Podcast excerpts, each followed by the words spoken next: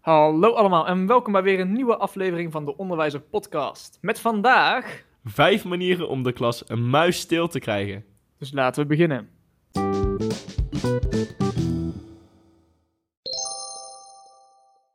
Als je leerkracht bent, en dat maakt niet uit of je dat in het primair onderwijs, het voortgezet onderwijs, of ja, desnoods op elke vorm van onderwijs die je maar kan bedenken, af en toe heb je wel eens dat je denkt, die kinderen die zijn echt niet stil aan het begin van de les of tijdens de les.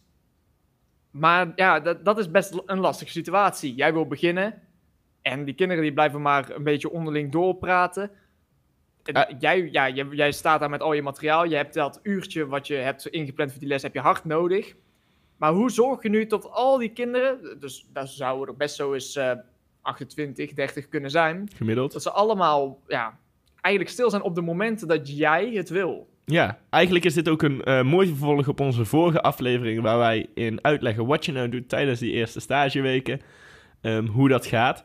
Het is ook uh, belangrijk om gelijk te laten zien aan het begin van het jaar van ik kan jullie stil krijgen en hoe ga ik dat doen. Ja, want dat is iets waar veel beginnende leerkrachten, en eigenlijk om heel eerlijk te zijn, ook als je wat verder bent, maar vooral eerstejaarsstudenten geven aan dat ze hier heel veel moeite mee hebben. En als je in een nieuwe klas staat, heb je vaak dat je weer even moet inkomen in een nieuw schooljaar. Hoe je dat precies het beste kan aanpakken. Nou, daar hebben wij de oplossing voor. Want wij gaan kijken naar vijf tips. Dat wil niet zeggen dat dit de enige vijf manieren zijn die bestaan. Zeker. Want je kan natuurlijk op heel veel manieren de klas stil krijgen. Maar dit zijn vijf manieren die zijn uitgekozen door het initiatief Onderwijs van Morgen. Waar we al vaker ook uh, tips van hebben aangepakt.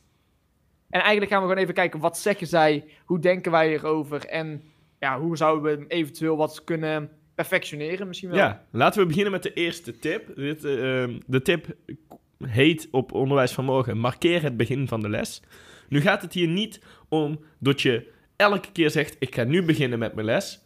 Maar als jij voor jouzelf systematisch één manier kan hebben hoe jij je les begint. Dus bijvoorbeeld, na dit muziekje begint altijd mijn les. Of bij drie klappen begint mijn les. Of wanneer ik iets doe, begint mijn les.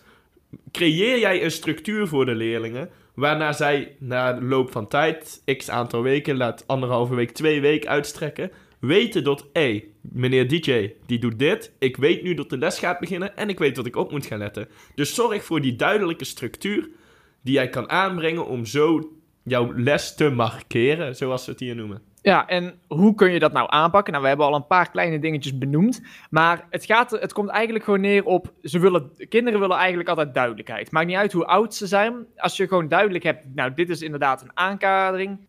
Dit sluit ook heel erg goed aan bij de leertheorie van het behaviorisme. Omdat je in wezen aanduidt van. Nou, bij dit signaal. Dan, dan wordt deze reactie verwacht. Nou, het signaal is bijvoorbeeld drie keer in je handen klappen de, het resultaat, dus de reactie van de kinderen, is dat ze allemaal stil zijn. Mhm. Ehm, ja, nu, in onze ervaring die we al hebben opgedaan in het onderwijs, zien we ook heel veel verschillende manieren die worden toegepast. Zeker. Uh, zo is er een docent bij ons op de PABO die ervoor kiest om altijd een muziekje aan te hebben.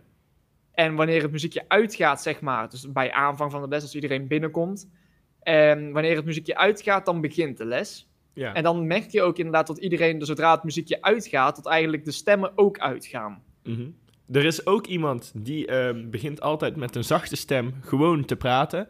Ook al ben je nog allemaal aan het praten, hij begint al met zijn les op een zachte stem en zorgt er zo voor dat wij zelf eigenlijk hele mooie koppeling met onze andere podcastaflevering genaamd de drie basisbehoeften.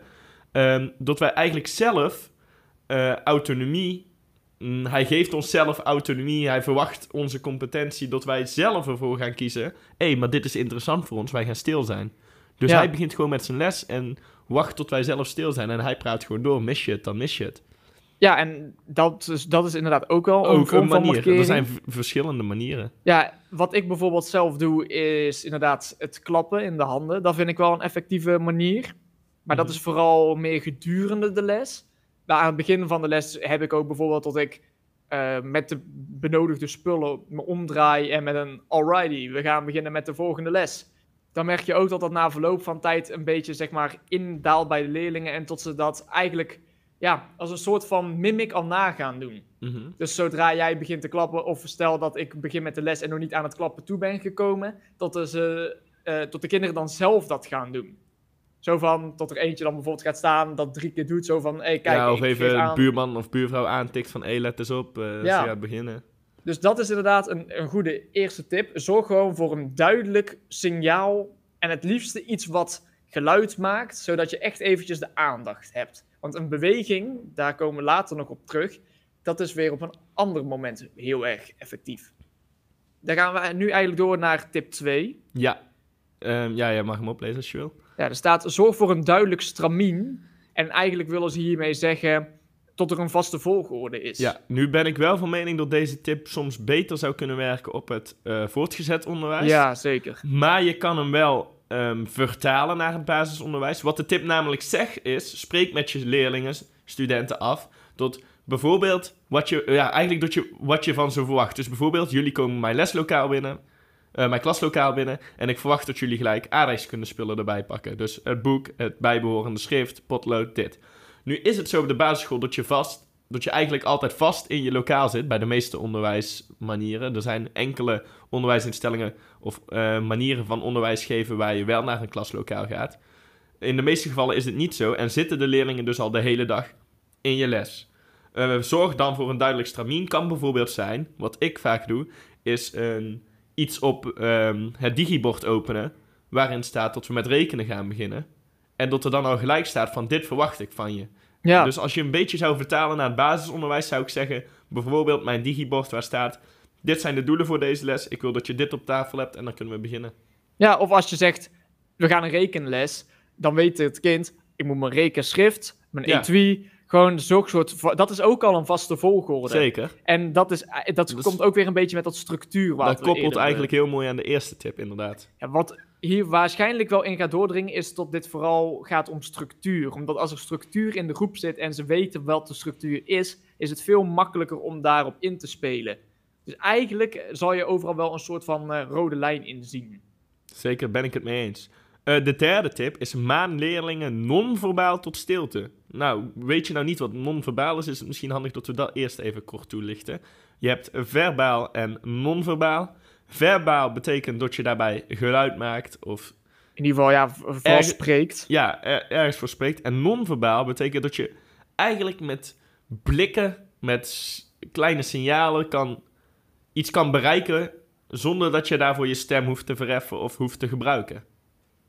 Ja, en hoe zou je dat nou kunnen doen? Nou ja, we gaan eerst eens even kijken waarom, je, waarom zou je het dan niet gewoon verbaal doen? Als er veel geluid is in de klas en ik begin daar nog eens doorheen te schreeuwen, motiveer ik de kinderen alleen maar, of de studenten of Om de harder leerlingen, het maakt allemaal niet uit. Die gaan ook allemaal harder meepraten. En dat is iets waar ik in eerste instantie wel een soort struikelblok had, want ik dacht altijd, nou, ik roep gewoon één keer heel hard, nou, kom op jongens, we beginnen. Maar ja, dan gaan ze er gewoon overheen op een gegeven moment. En je merkt wel hoe ouder de leerling is, hoe meer dat is. Gewoon oudere leerlingen, Zeker. die gaan wat harder praten dan gewoon. Omdat ze dan denken van, nou, het is mij allemaal maar geschikt. Ik ga Mhm. gewoon eroverheen. Maar een non-verbaal, dus als ze gewoon, ze kijken jou bijvoorbeeld aan of ze kijken naar een klasgenoot en je doet een bepaald Een vinger op de mond. een- ja, gewoon of een stopsignaal. Ja, eigenlijk is deze kent. tip onderverdeeld in meerdere kleine tipjes. Hè? Je Ja. kan bijvoorbeeld je vinger op je mond leggen. Zit er een leerling half gedraaid, draai je een keer een cirkeltje met je vinger van... hé, hey, draai eens naar mij toe. Het zijn allemaal hele kleine manieren. Jouw blik, eh, een beetje doordringend kijken van... ga eens recht zitten. Doet eigenlijk vaak al veel wonderen.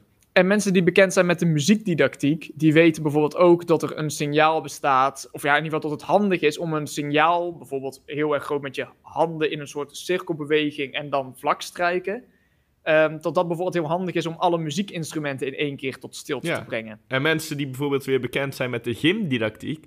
weten dat, eh, dat je bijvoorbeeld het lamp, de lamp uit kan zetten... en dat leerlingen dan ineens allemaal weten van... oh, nu moeten we stil zijn, want de lamp is uitgegaan. Ja, dus wanneer je dit gebruikt is ook wel een beetje afhankelijk. Is er al veel geluid, dan is non-verbaal bijvoorbeeld een beweging heel effectief.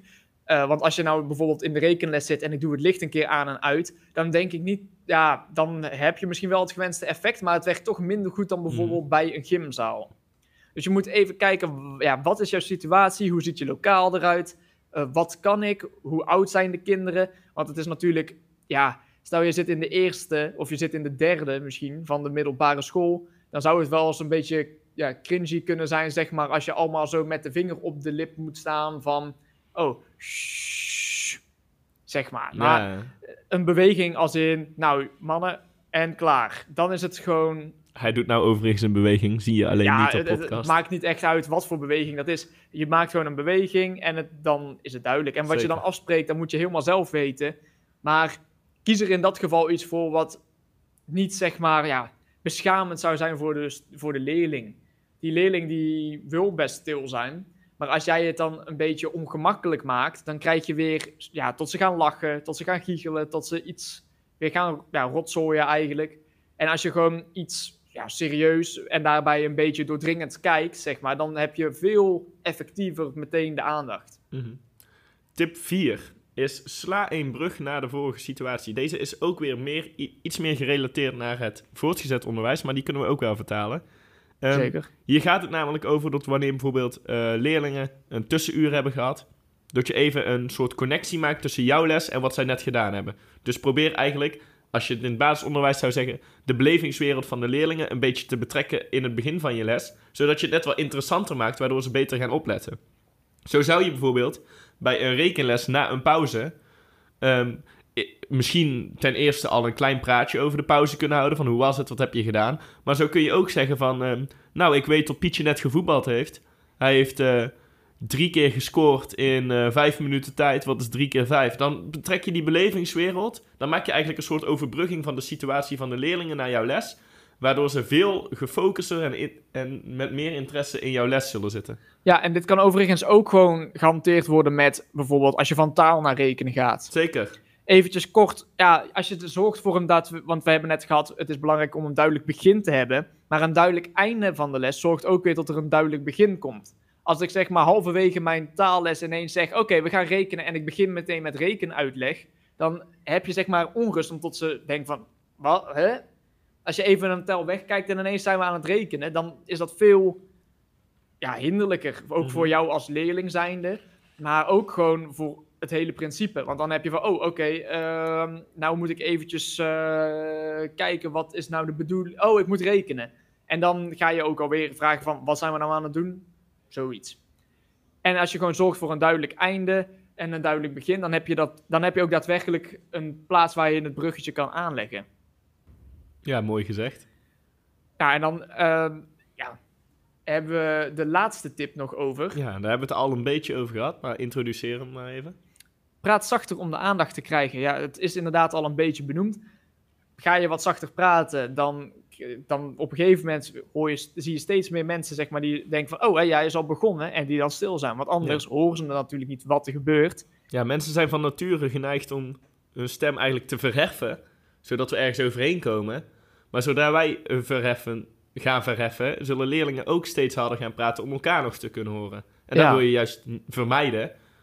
En je wil juist bereiken dat ze stiller worden. Dus door zelf ook wat rustiger te gaan praten, kan het zijn dat de leerlingen, is meestal trouwens, dat de leerlingen ook rustiger worden. Dat ze denken van, oh, hier is iets aan het gebeuren. Ja, wat hier wel bij van belang is, is dat de les natuurlijk wel motiverend moet zijn. Als de leerlingen al binnenkomen met het idee van, ik heb eigenlijk geen trek in deze les, dan zal het zachter gaan praten, dan niet meteen zeg maar iets zijn dat je denkt van, oh. Want als jij niet gemotiveerd bent, dan maakt het jou niet uit tot de les wat later begint. Dus ik vind deze in dat opzicht, hier moet je wel ook nog met andere dingen rekening houden. Ja, maar ik, ik vind het zeker wel een goede manier om ze zachter te krijgen. Ja, zeker. Het is een goede tip. Maar ja, er- hierbij komt natuurlijk wel veel meer nog bij kijken. Je kan niet alleen maar zachter gaan praten en er dan maar vanuit gaan tot het allemaal Nee, goed inderdaad. komt. Maar daar, daar moet je natuurlijk wel nagaan bij, deze, eh, ja, bij al deze tips. Je kan niet zomaar zeggen, Nee, inderdaad. Dit is het begin van de les en dan zal alles maar gewoon verlopen. Maar toch hoor je tip 5 wel vaak in ieder geval. Ik heb hem tot nu toe bij elke mentor gehoord. Elke Ja. mentor, ook al hebben ze mij nog niet eens les zien geven, zeggen altijd al van... Ga even stil praten, dan weet je dat de leerlingen ook stil Ze gebruiken dit echt heel veel. Dus eh, in die zin is het echt wel iets waar je zeker rekening mee moet houden. Ja, zeker. En Eh, overigens geldt dat voor alle tips, want wij hopen natuurlijk dat eh, deze vijf manieren ervoor zullen zorgen dat je je klas misschien wel muisstil kan krijgen. Nu zou muisstil niet eens altijd het goede zijn, want soms is overleg niet eens zo heel slecht, zeg maar. Dat Nee. ze praten over onderwijs.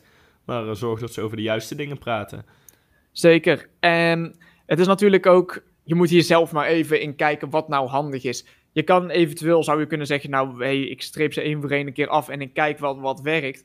Maar tip 2, waarin je zorgt voor een duidelijk ritme, gaat heel erg goed samen, vind ik, met tip 1. Waarin je zegt dat er een duidelijke markering is van het begin van de les. Zeker. En een combinatie tussen al dit zal er wel voor zorgen dat je ja, wat verder komt. Zeker. Ehm, ja, ik hoop dat... ehm, ik zou de bron trouwens nog één keer benoemen. Dat deze tips van Onderwijs van Morgen... Dat is een site met eh, hele mooie artikelen over het zowel voorgezet onderwijs, mbo als basisonderwijs. Eh, ja, dat deze tips u geholpen heeft. En het eh, heeft ons in ieder geval eh, onze interesse opgewekt... waardoor we toch dachten van misschien wel leuk om een podcast over op te nemen. Mocht je nou zelf nog ideeën hebben voor ons, voor een podcast... of andere tips waarmee wij ook de les muisstil kunnen... eh, de leerlingen muisstil kunnen krijgen... zijn die zeker welkom. Je kan ze sturen via onze socials. ehm, op Instagram, Twitter, YouTube, Je kan ze ook inspreken via Anchor, eventueel. eventueel wel. Eh, en dan hoop ik dat, je dat je genoten he- hebt van deze aflevering. En dan, zien dan- we je heel graag weer terug bij de volgende. Houdoe! Houdoe.